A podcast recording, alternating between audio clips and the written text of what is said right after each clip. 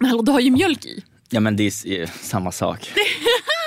Nej, du har ju mjölk. Jo men jag, jag har druckit svart här nio av tio gånger. Nej, jag vill inte okej. Nu vill jag bara kunna svepa det lite.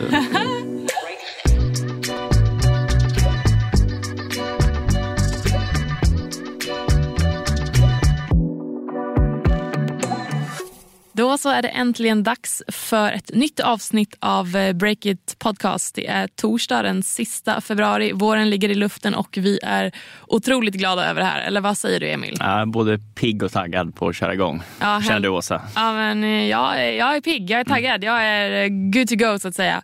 Eh, Åsa Johansson heter jag, reporter för eh, Break It och programledare för den här podden. Och Emil Vidhagen, hela namnet, också reporter på Break It. Ja.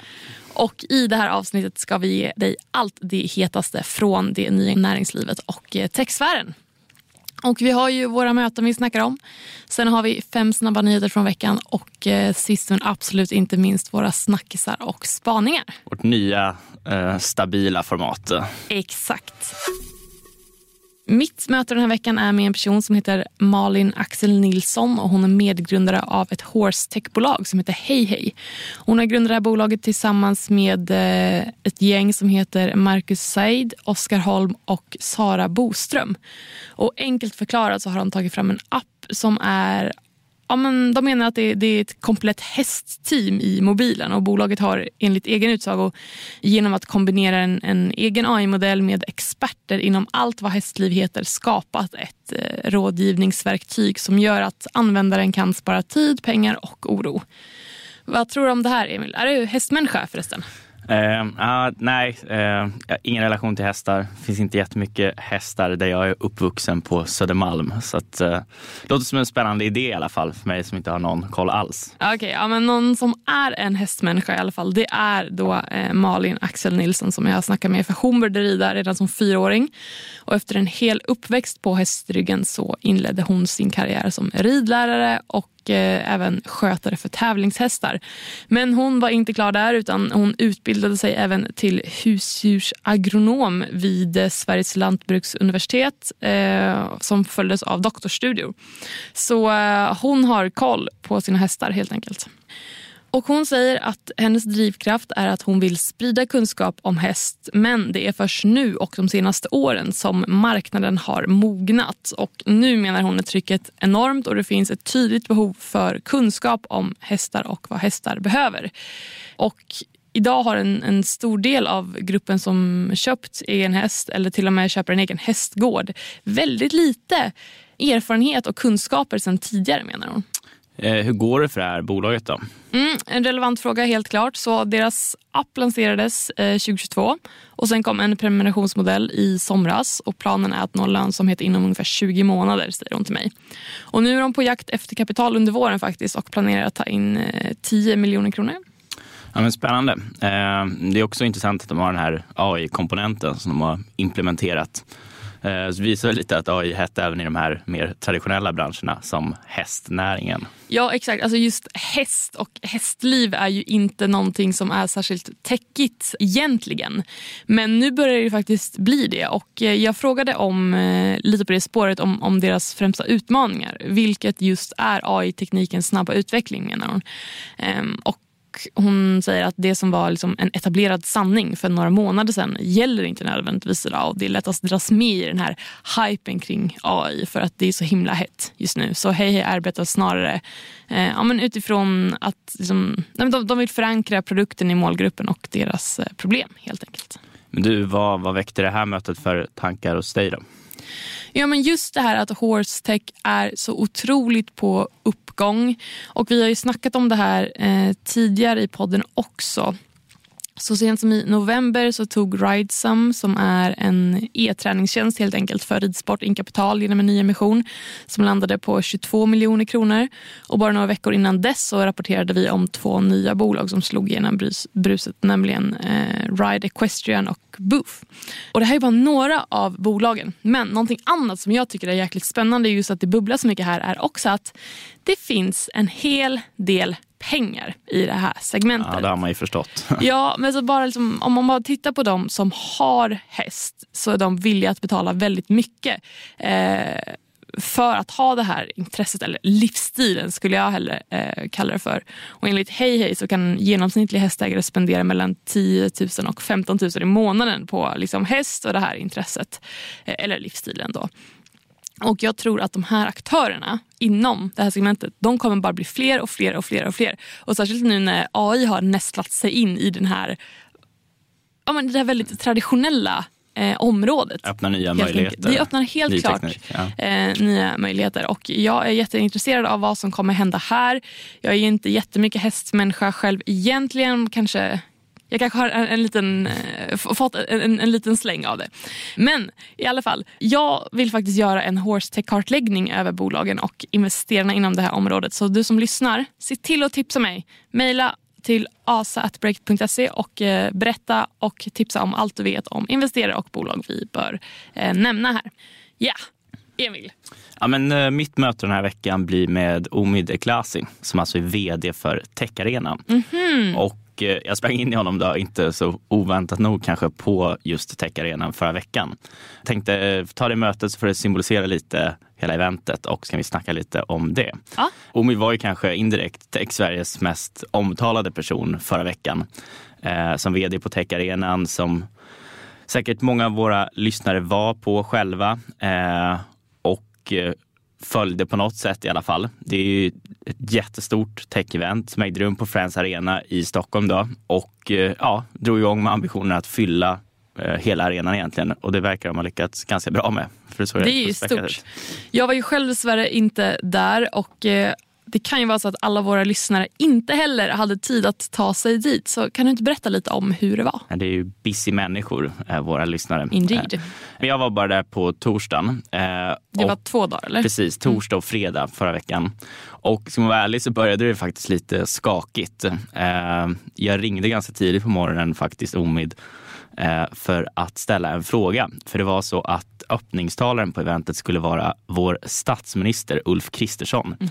Men eh, han dök inte upp. Eh, Och det adresserades Va? inte riktigt heller på scenen. Så folk bara stod där och eh, ja, väntade förgäves på att han skulle komma. Det blir lite så att när det är en stor talarnamn så vill alla gå dit. Liksom. Och jag ringde då efteråt och fick bekräftat att han hade blivit inställd i sista sekunden på grund av en resa till Bryssel. Och eh, förstod väl senare kanske att det hade med att göra med den här NATO-processen som eh, slutfördes med Ungern, eh, deras premiärminister, eh, förra veckan. Så statsministern prioriterar NATO över Techarenan? Ja, alltså. precis, precis. Det blev en sån situation. Så lite knackigt. Det blev Karin Vangård som finansborgarråd i Stockholm. Eh, stakade sig fram, lite knacklig engelska. Eh, kanske var lite improviserat i hennes försvar. Eh, men det blev lite, lite liksom jobbig start kan man väl säga. Tufft där. Men eh, efter det då, hur var eventet? Ja, men verkligen eh, klart godkänt tycker jag för att vara ett första event. Eh, framför allt så har de fått hit ett riktigt grymt eh, talarställ. Eh, stora internationella namn. Eh, de allra största höjdpunkterna kanske var Apple-grundaren Steve Wozniak. Eh, jag såg inte hans eh, framträdande men förstod att det var väldigt bra. Och så var ju även amerikanska för detta vicepresidenten och klimatkämpen Al Gore där. Och det var ett väldigt, väldigt eh, bejublat eh, eh, framträdande. Mm, tunga eh, jag namn. såg. Ja men precis. Och lite fler också, alltså så här som alla känner igen. Och svenska tech-eliten var ju verkligen representerad med liksom, ja, allt från entreprenörer som alla känner till till liksom investerare som Sofia Benz och Per Persson som satt tillsammans i någon panel. Så att, eh, jag tycker verkligen man har lyckats bra med att få dit eh, folk och ja, nyckelspelarna liksom i tech, techvärlden. Eh, kryllade av Breakit bekanta ansikten och det är väl ett ganska bra mått på att man får dit relevanta personer från svenska techscenen i alla fall. Ja, kul. Men du, jag tänkte, att du har ju varit på Slush eh, som är ett ännu större och mer etablerat tech-event. Hur var det här eventet jämfört med Slush?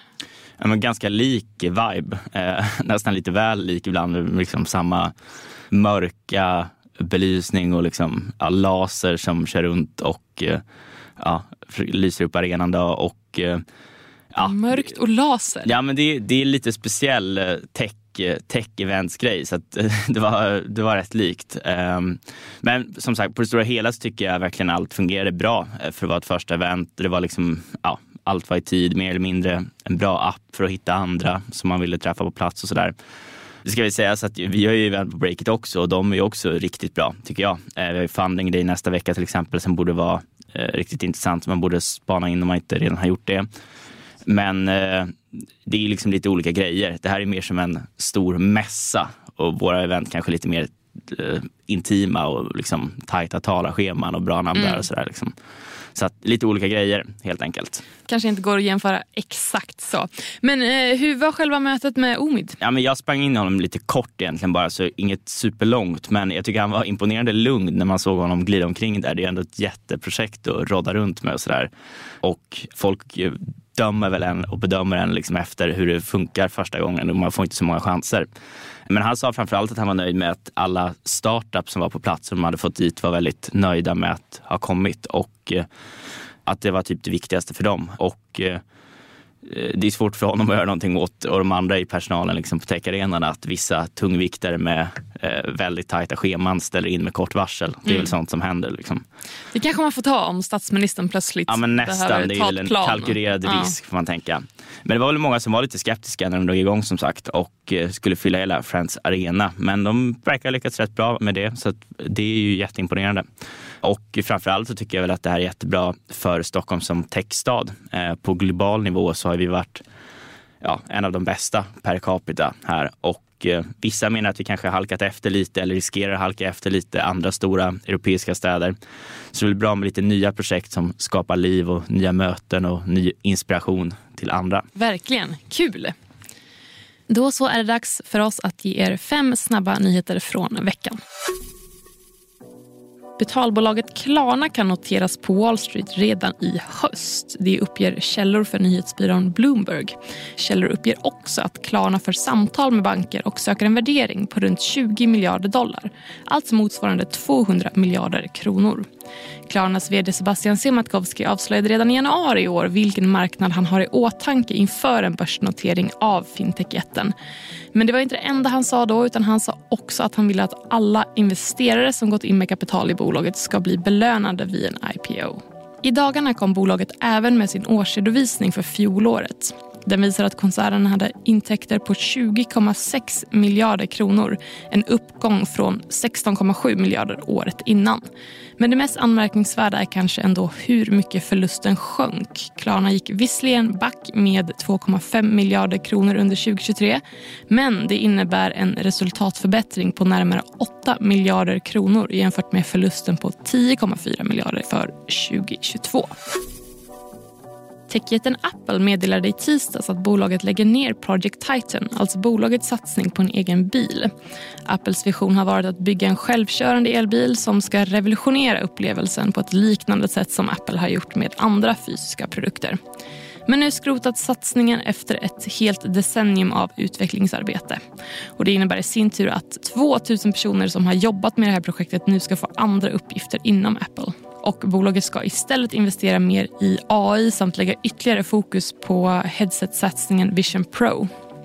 Och på det årliga aktieägarmötet som gick av stapeln igår sa vd Tim Cook att bolaget investerar enormt mycket i just AI och det som kallas generativ AI, alltså som till exempel ChatGPT-bolaget OpenAI sysslar med. Modesajten Bubbleroom har släppt sitt bokslut för ett ganska så turbulent år. Bolaget som fokuserar på allt från glammiga klänningar till loungewear tappade förra året flera chefer inom loppet av några veckor. Först lämnade personaldirektören och finansdirektören in sina avskedsansökningar. Därefter beslutade vdn Ville Kangasmuku Nordström, som varit på positionen i åtta år, sig för att sluta. Allt förklarades som en olycklig slump. Så hur slog bokslutet ut då. E-handlaren visar mindre omsättningsökning i fjärde kvartalet efter två kvartal med negativ tillväxt. Sett i helåret gick utvecklingen i sidled. Totalt kom omsättningen in på 437,9 miljoner vilket kan jämföras med 442,8 miljoner året innan. Rörelseförlusten ökade till nästan 27,7 miljoner från minus 24,8 miljoner förra året. Turerna har varit många och dramatiken har ökat dag för dag i elmotorcykeltillverkaren Cake som försattes i konkurs den 1 februari i år. Konkursförvaltaren Jakob Kalmander har ägnat de senaste veckorna åt att svara på otaliga samtal från budgivare som är intresserade av att köpa verksamheten. Nu står det klart vem som tar över. Det blir den norska investeraren och bilhandlaren Espen Digernes bolag som köper Cakes svenska verksamhet. Det vinnande budet kom in redan under måndagskvällen men förvaltaren har i dagarna arbetat med att förhandla om överlåtelseavtalet. Budgivningen skulle dessutom ha avslutats redan förra veckan men Cake hade då bara fått in skambud på verksamheten. Den aktuella budgivaren var då villig att betala 15 miljoner kronor vilket konkursförvaltaren menade var alldeles för lågt. Den amerikanska finanstillsynen SEC har inlett en granskning av OpenAIs vd Sam Altman och hans interna kommunikation efter höstens turbulens då Altman plötsligt kuppades ut och nästan lika plötsligt var tillbaka på chefsposten igen. SEC vill enligt uppgifter gå till botten med om bolagets investerare blivit vilseledda under den här härvan. Sam Altman har själv gett sin version av händelserna bland annat i en intervju i samband med toppmötet i Davos i januari. Då beskrev han kvällen då han kuppades bort som helt vild och att han var superförvirrad och helt tagen på sängen. Yes, men då så är det väl hög tid för att eh, snacka lite snackisar och eh, spaningar. Kör igång. Vad har du på G? Ja, men jag tänkte att vi skulle prata lite om potentiella krisen för elsparkcyklarna. Oh. Eh, det är lite en ständig snackis eh, om det här segmentet som vissa älskar och eh, kanske ännu fler hatar. Man kanske älskar och hatar de här det kanske vissa också gör. fordonen Precis. eller det finns vad det många än kombinationer av hat och kärlek. Exakt. Eh, men det här kanske ändå pratades lite mer om för några år sedan. Nu har ju folk kanske dels vant sig lite vid att de här spelarna finns, men eh, också kanske att det inte riktigt är lika explosionsartad utveckling längre. Att det inte är lika mycket, att det tar ännu mer plats Mm, eh, verkligen. Ja, det var ju vecka som går. verkligen som att det var i media jämt förut med allt som att eh, hur fort de fick köra Precis. och att de parkerades överallt och så vidare. Så att, ja, Ja, precis. Och det blev ju också mer i techvärlden en symbol för för vissa för liksom tiden innan inflation och räntehöjningar. Och ibland säger ju folk det lite som en meme. Eh, Elsparkcyklar är något som exemplifierar allt som var snett med tiden innan det här. Då. Så att för några år sedan så kunde allt och alla få in pengar. Investerarna splashade på allt, säger folk. Typ. splasha pengar. Kanske kritiserar Stockholms investerare på köpet som bara hugger på de trenderna och sådär. Tycker jag man hör eh, då och då, eller hur? Jag är helt enig. Jag har faktiskt exakt eh, samma sak. blev inte så mycket mothugg från mig där. Nej. Men jag är he- helt enig. Ja, nej, men anledningen till att vi tänkte prata om det just den här veckan är för att ja, ganska nyligen, eh, för ett par veckor sedan, kom en nyhet om att svenska elsparkcykeljätten Voi tvingas dra i handbromsen. Eh, då kapade de 120 kontorsroller eh, för att snabbare nå lönsamhet. Redovisade samtidigt fjolårssiffrorna och visade eh, förvisso 10% tillväxt och förbättrade marginaler. Eh, Ebitda-resultatet var strax under noll, men de blöder fortfarande pengar rejält på sista raden. Eh, och det här aktualiseras också lite av vad vår eh, kollega och Breakit-grundaren Olle Aronsson nu har skrivit om Voi i en analys. Mm, ja, men jätteintressant eh, ämne, verkligen. Men vad är det som Olle har skrivit egentligen? Ja, men hans analys som finns på breakit.se idag, det är att eh, Voi beskrivs av sina ägare som bäst i klassen, bäst av elsparkcykelbolagen, men att det fortfarande är ett övervärderat bolag med fel självbild. Eh, för som sagt, elsparkcyklar på kort tid gått från hypat tillväxtfenomen till en produkt som folk ifrågasätter om de ska finnas. Och eh, det här syns ju då i att antalet aktörer som håller på med det här i Europa har sjunkit i takt med att branschen har blivit mer reglerad och att tillgången till den här sortens riskkapital blivit betydligt sämre. Till exempel så gick amerikanska Bird, de tvingades ansöka om konkursskydd eh, och eh, spelarna som finns kvar har också dragit i sin handbroms. I januari gick tidigare konkurrenterna Tear och Dot samman och deras värderingar slaktades i samband med det med 90 procent. Och det nya bolaget värderas nu till lägre än en gånger sin omsättning. Mm, det låter verkligen som en stor förändring jämfört med för några år sedan. Är Voi också påverkat av det här? Absolut. Voi fortsätter att säga upp folk och spara eh, varje krona de kan för att nå lönsamhet.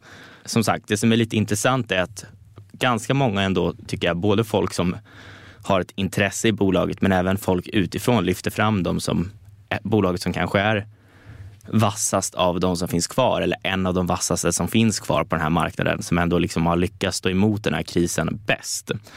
De fortsätter liksom vinna nya viktiga tillstånd. Till exempel vann de i London förra året och det är ju en jättestad. Sådär. Mm, just ja. Det är en ganska viktig del i det här bolaget som vi kommer till eh, senare, att vinna tillstånd. Men lite trots allt det här då, att de ändå tycks vara en av de starkare spelarna som finns kvar så kan man väl argumentera för att Voi fortfarande är övervärderat.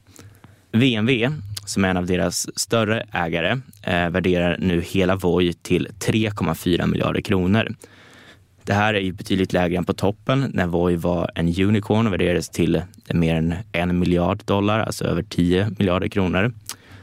Men det här värderingen som de har nu, den är fortfarande hög jämfört med branschstandarden. Vi hörde att Teardot bara var värderat till en gånger sin omsättning och eh, det betyder att Voi är mer än tre gånger eh, sin omsättning värderad till nu. Och varför då? Ja, men anledningen till att eh, värderingarna, de här bolagen ska ner, det är väl att det egentligen kanske är tjänsteföretag eh, som använder teknik snarare än att vara rena teknikföretag. Liksom. Eh, och värdet som de erbjuder ligger kanske inte i deras app eller deras eh, avancerade teknik utan skapas snarare genom att någon faktiskt liksom laddar och placerar ut elsparkcyklar i staden och det krävs det ju människor för. Mm. Eh, och det viktigaste för att vinna det är liksom att man är duktig på att vinna upphandlingar med kommuner, med olika städer och liksom inte bara ja, ha en så här superskalbar teknikmodell som ett techbolag. Då. Och det verkar ändå, alltså nu har det ändå gått ganska många år som sen elsparkcyklarna dök upp, de verkar bestå så att säga. Mm. Men eh, de är ju liksom en del av kollektivtrafiken då, och det är ju en miljö som kanske inte har supermarginaler generellt utan det är liksom tuff konkurrens, det är komplicerade regelverk som man ska navigera emellan. Är man duktig på det så finns det pengar att tjäna men det kanske ändå är begränsad lönsamhet. Så även om man är liksom ett toppbolag i sin nisch och överlever och går bättre så då blir man kanske ändå inte den här superstora techjätten som bara ökar och ökar. Utan man blir en spelare som finns kvar, man kanske växer liksom stabilt. Eh, men kanske är värderad till runt en gånger sin omsättning eller mer i den stilen snarare än supermycket mer. Att det finns supermycket potential att växa och ha, tjäna jättepengar. Men det där alltså, du säger att de är liksom en del av, av kollektivtrafiken. Jag, alltså jag håller inte med dig där. För det, kän, det känns som att det var det som var ambitionen. Mm. Men nej, jag, nej, jag vet inte. För, alltså, dels så tänker jag, alltså kunde de få något, om vi bara tittar på lilla Stockholm då, som vi befinner oss i just nu. Om man kunde liksom integrera elsparkcyklar i typ ja, men kollektivtrafikens så här biljettsystem. Då hade det, alltså det hade jag varit nyfiken på att se hur det hade gått. Jag har verkligen ingen aning och jag har inte eh, analyserat det här så himla mycket. Men jag har hört flera stycken som använder elsparkcyklar som blir så här, ah, men det är så dyrt. Det är så mm. himla dyrt. Ja, men det är jätteintressant att du säger det för att jag tror faktiskt att de har lite ett eh, triumfkort här. Jaså, som kanske inte vilket? lyfts jätteofta. Eh, jag pratade med Marcus Willig eh, på just Slash som vi pratade om tidigare idag och han är eh, grundare till Bolt som är den här ja, ride sharing appen tror jag de kallar det. Det är ju ja, taxibokning i en app. Det är elsparkcyklar, så det är en konkurrent till Voi och de andra elsparkcyklarna. De gör lite matleveranser, lite allt möjligt. Och det här börjar verkligen bli en europeisk jätte eh, som eh, värderat väldigt högt. Men då, vi pratade lite om liksom bilens roll i städer mm. och eh, jag fick ändå intrycket av att han såg det som ett triumfkort på lite längre sikt. Att eh, privatbilar, det kanske inte kommer att ha så superstor roll i framtidens städer. Vi har ju till och med sett, Ulf Kristersson var inne på det här, att eh, han har pratat om att begränsa liksom, bilen, privata bilar som kör runt inne i städer. Framförallt kanske stora städer som Stockholm. Och försvinner bilarna lite allt mer. Man gör mer liksom gågator, mm. fler mm. gröna utrymmen, fler liksom cykel, eh, cykelvägar istället för, för eh, bilvägar. Det här öppnar ju upp för den här sortens tjänster som Voi eller liksom cykeldelningstjänster. Andra nya spelare tar sig fram på att växa sin marknadsandel. Och eh, det är svårt att säga hur långt fram i tiden det här ligger. Men eh, det, jag tänker ändå att det är ganska tydligt att de skulle tjäna på när det väl händer, eh, om det då händer, att eh, kunna liksom, ta en ännu större position och då verkligen bli en del av kollektivtrafiken och bli någonting som folk använder för att transportera sig motsvarande en tunnelbaneresa snarare än liksom en promenad som det kanske mer är idag. Alltså, det vore ju otroligt intressant mm. eh, om det blev så här. Det blir en ny våg potentiellt för ride-sharing-bolagen. Absolut. Och du som lyssnar, om du har tankar eller funderingar kring det här eller tips på någonting vi borde skriva om på ämnet så hör jättegärna av dig. Mig når ni på asa.breakit.se. Mig når ni på emil.breakit.se. Efter 22 månader är Sveriges NATO-ansökan nu godkänd, ett klartecken som beskrivs som historiskt. Och Det här berör det svenska näringslivet milt sagt. Och Det finns flera olika aspekter som kan komma att påverka näringslivet. Och Vi har tänkt att punkta upp tre olika områden. Kul att du tar upp det nu, för jag har ju liksom bevakat det här lite under hösten med NATO, Defense Tech och något som blir mer intressant. Men eh, eh verkligen ett bra tillfälle att djupdyka lite. Ja, men verkligen. Och Först tycker jag att vi ska snacka om det som har hänt lite bakom kulisserna under de här månaderna som Sverige har försökt bli medlem i Nato. Det har nämligen pågått ett viktigt arbete som inte bara kommer påverka försvaret utan som sagt även det svenska näringslivet. För inom Nato rullas nämligen en ny inkubator ut ett innovationsprogram som kallas för Diana dit startups från alla medlemsländer har möjlighet att söka. Och Breakit kunde i oktober avslöja flera detaljer om den här nya satsningen där både pengar och eh, prestige står på spel. Innovationsmyndigheten Vinnova har tillsammans med Försvarsmakten haft i uppdrag att skanna av Sverige efter verksamheter med målet att hitta en inkubator och mellan två till fyra testcenter som kan passa till NATO-samarbetet. Och nu är det här uppdraget då slutfört och efter ett stort söktryck eh, med drygt 80 intresseanmälningar någonting sånt, eh, har parterna valt ut en accelerator och fyra testcenter. Så det är alltså dessa utvalda av Vinnova för att eh, regeringen i sin tur ska rekommendera dem till Nato. Så vilken är den här svenska inkubatorn då som ska nomineras till Diana? Mm, den vinnande inkubatorn i Sverige är Lead som har sina hubbar i Linköping och eh, Norrköping. Och Lead har ett särskilt fokus inom deep tech, eh, exempelvis visualisering, bildanalys samt life science. Och Linköping är förstås redan idag en techhub för försvarsindustrin med utvecklingen av bland annat eh, Gripenplan. Och, eh, jag tänkte också nämna här, för Breakt har varit i kontakt med Katarina Sandberg som är VD för Lead. Och, eh, hon fick då frågan av oss om eh, vilka deras främsta styrkor är som gör att just de passar inom Nato. Och på det har hon svarat att ta komplex avancerad teknik till marknaden och att stödja affärssidan för deras bolag så att de kan skala upp. Hon säger även att de har en stor närvaro inom B2B-sektorn och inom deep tech och att ungefär en tredjedel av deras bolag verkar inom life science.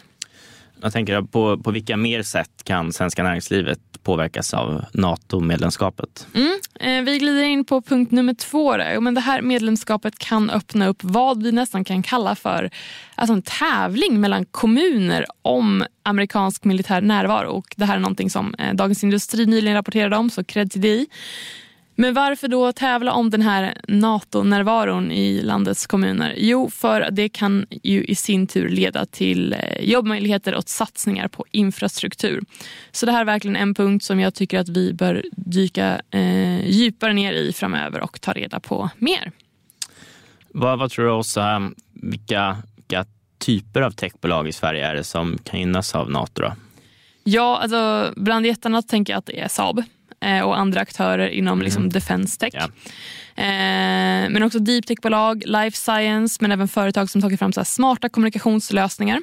Som är typ säkra kommunikationslösningar då eller? Ja, exakt. Ja. Eh, och sen eh, hur säkra och så vidare, ja, det, det, vet jag inte. Men eh, självklart ska de vara eh, tipptopp. Liksom.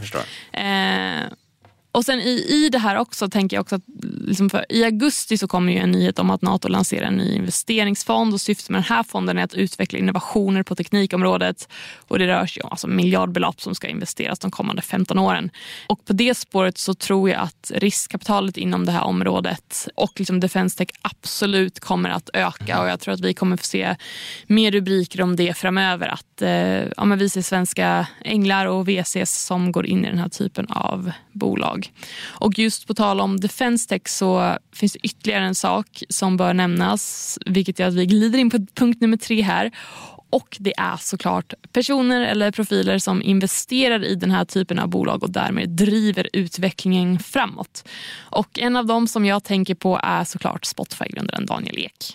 Ja men såklart. Man får ju säga att han var tidig på den här bollen nu med facit i hand. Men, eh, ja, men han har ju investerat i det här eh, tyska eh, försvarsstartupen Helsing, eller hur? Jajamensan, det har han gjort. Eh, för något år sedan så investerade han omkring en miljard kronor i det här bolaget genom investeringsbolaget Prima Materia. Och Helsingborg grundades 2021 och utvecklar en mjukvaruplattform som med hjälp av AI skapar kartor över slagfält i realtid. Även Saab har investerat i det här bolaget, vilket vi rapporterade om i höstas. Och En sak som jag tänkte på är att Gunbert Scherft som är eh, medgrundare av Helsingson nyligen, också till DI, mycket kredd till dem idag, eh, att bolaget har ett team på plats i Ukraina och att eh, de förser dem med verktyg som hjälper dem att skapa en överblick över situationen så att de kan fatta de mest välgrundande besluten. Så för att komma till min poäng här att förutom Daniel Ek så tror jag att det finns fler flera andra som sitter på en hel del cash som är redo att investera i den här typen av företag. Och också när vi pratar om defense tech, vi pratar ju verkligen inte bara om typ traditionell defense tech som så faktiska liksom, vapen eller flygmaskiner exempelvis. Utan det här är ju, det här är ju rätt och slätt ett AI Ja, precis. Bolag Olika tech-system och kompletterande tjänster. Ja, ja, men jag tror också verkligen många som, eh, som eh, sugna på att lägga in pengar i det här. Eh, för att man liksom kombinerar någon slags samhällsintresse och att man tycker att det är rätt sak att göra med att det kanske finns affärsmöjligheter i det här. Mm. Men du, när Daniel Ek gjorde den här investeringen för några år sedan, det väckte ju en hel del reaktioner, eller hur? Ja men verkligen. Alltså, I samband med att den här affären blev känd så startades det en hashtag som var hashtag boycott Spotify och musikproducenten Darren Sangit eh, uppmanade sina följare att inte stödja den militära AI-industrin. Vad tycker du själv då? Eh, nu när det är några år sedan investeringen gjordes och omvärlden ju faktiskt ser lite annorlunda ut? Alltså jag tycker att det är en supersvår fråga. Jag, jag minns när när vi pratar om den här investeringen som Daniel Ek då gjorde. Eh, det är ju ett tag sedan nu. Eh, men då i alla fall eh, tog jag här i podden eh, på mig riktigt kritiska glasögon. Ehm, och okay, nu ska se om jag minns rätt här. Men antingen så såg jag verkligen Daniel Eks investering eller så sågade jag liksom investeringar i försvarsbolag överlag. Och en lyssnare gick verkligen igång på det här och skrev ett argt mejl till mig eh, som jag tänkte läsa upp nu mm. faktiskt. Och eh, jag ska inte läsa hela mejlet, det blir långdraget, men kontentan var så här i alla fall. Att ifrågasätta om det är etiskt försvarbart att investera i europeiska försvarsbolag som till exempel Saab som ser till att vi kan fortsätta leva i fred och frihet är precis lika dumt som det låter. Åsa Johansson, är hon 12 år gammal eller köpt av Ryssland? Ja. Hårda bud va? Ja, kanske lite väl hård ton. Men det, han kanske har fått lite rätt Eh, eller tiden har visat, eh, liksom, gett lite vind till hans argument i alla fall. Och det kanske är många som var lite försiktigt skeptiska för några år sedan som kanske är försiktigt positiva till den här sortens investeringar nu. Så kan det säkert vara. Men det här är ju också en liten, alltså det här känns som en fråga som många tiptoar runt. Mm. För jag tror att det är många som skulle argumentera för att självklart behöver det finnas bolag som kan eh, hjälpa till om ett land blir invaderat. Men så tror jag också att det är många som skulle argumentera för att man inte ska investera i bolag som gör att man får avkastning av krig. Oavsett vilken sida man ställer sig på ska man nog vara lite försiktig med den här sortens, verkligen tänka ett extra varv eh, när man gör den här sortens investeringar och sådär. Och verkligen, ja, det får inte hamna i fel händer. Så att säga. Nej, precis. Så det har alltså tre spaningar här som kan komma att eh, påverka eh, det svenska näringslivet nu framöver med Nato. Men med det sagt då, Emil, ska vi tillägga något eller är det dags för helg? Uh, inte riktigt helgen, men uh, vi får väl avrunda här och fortsätta jobba. yes. Hörni, du som har lyssnat, Stort tack för att du är med oss. Vill du får du jättegärna höra av dig med eh, input, tankar och frågor. Mig når ni på asa.breakit.se. Mig når ni på emil.breakit.se. Då så. Hej då. Hej då.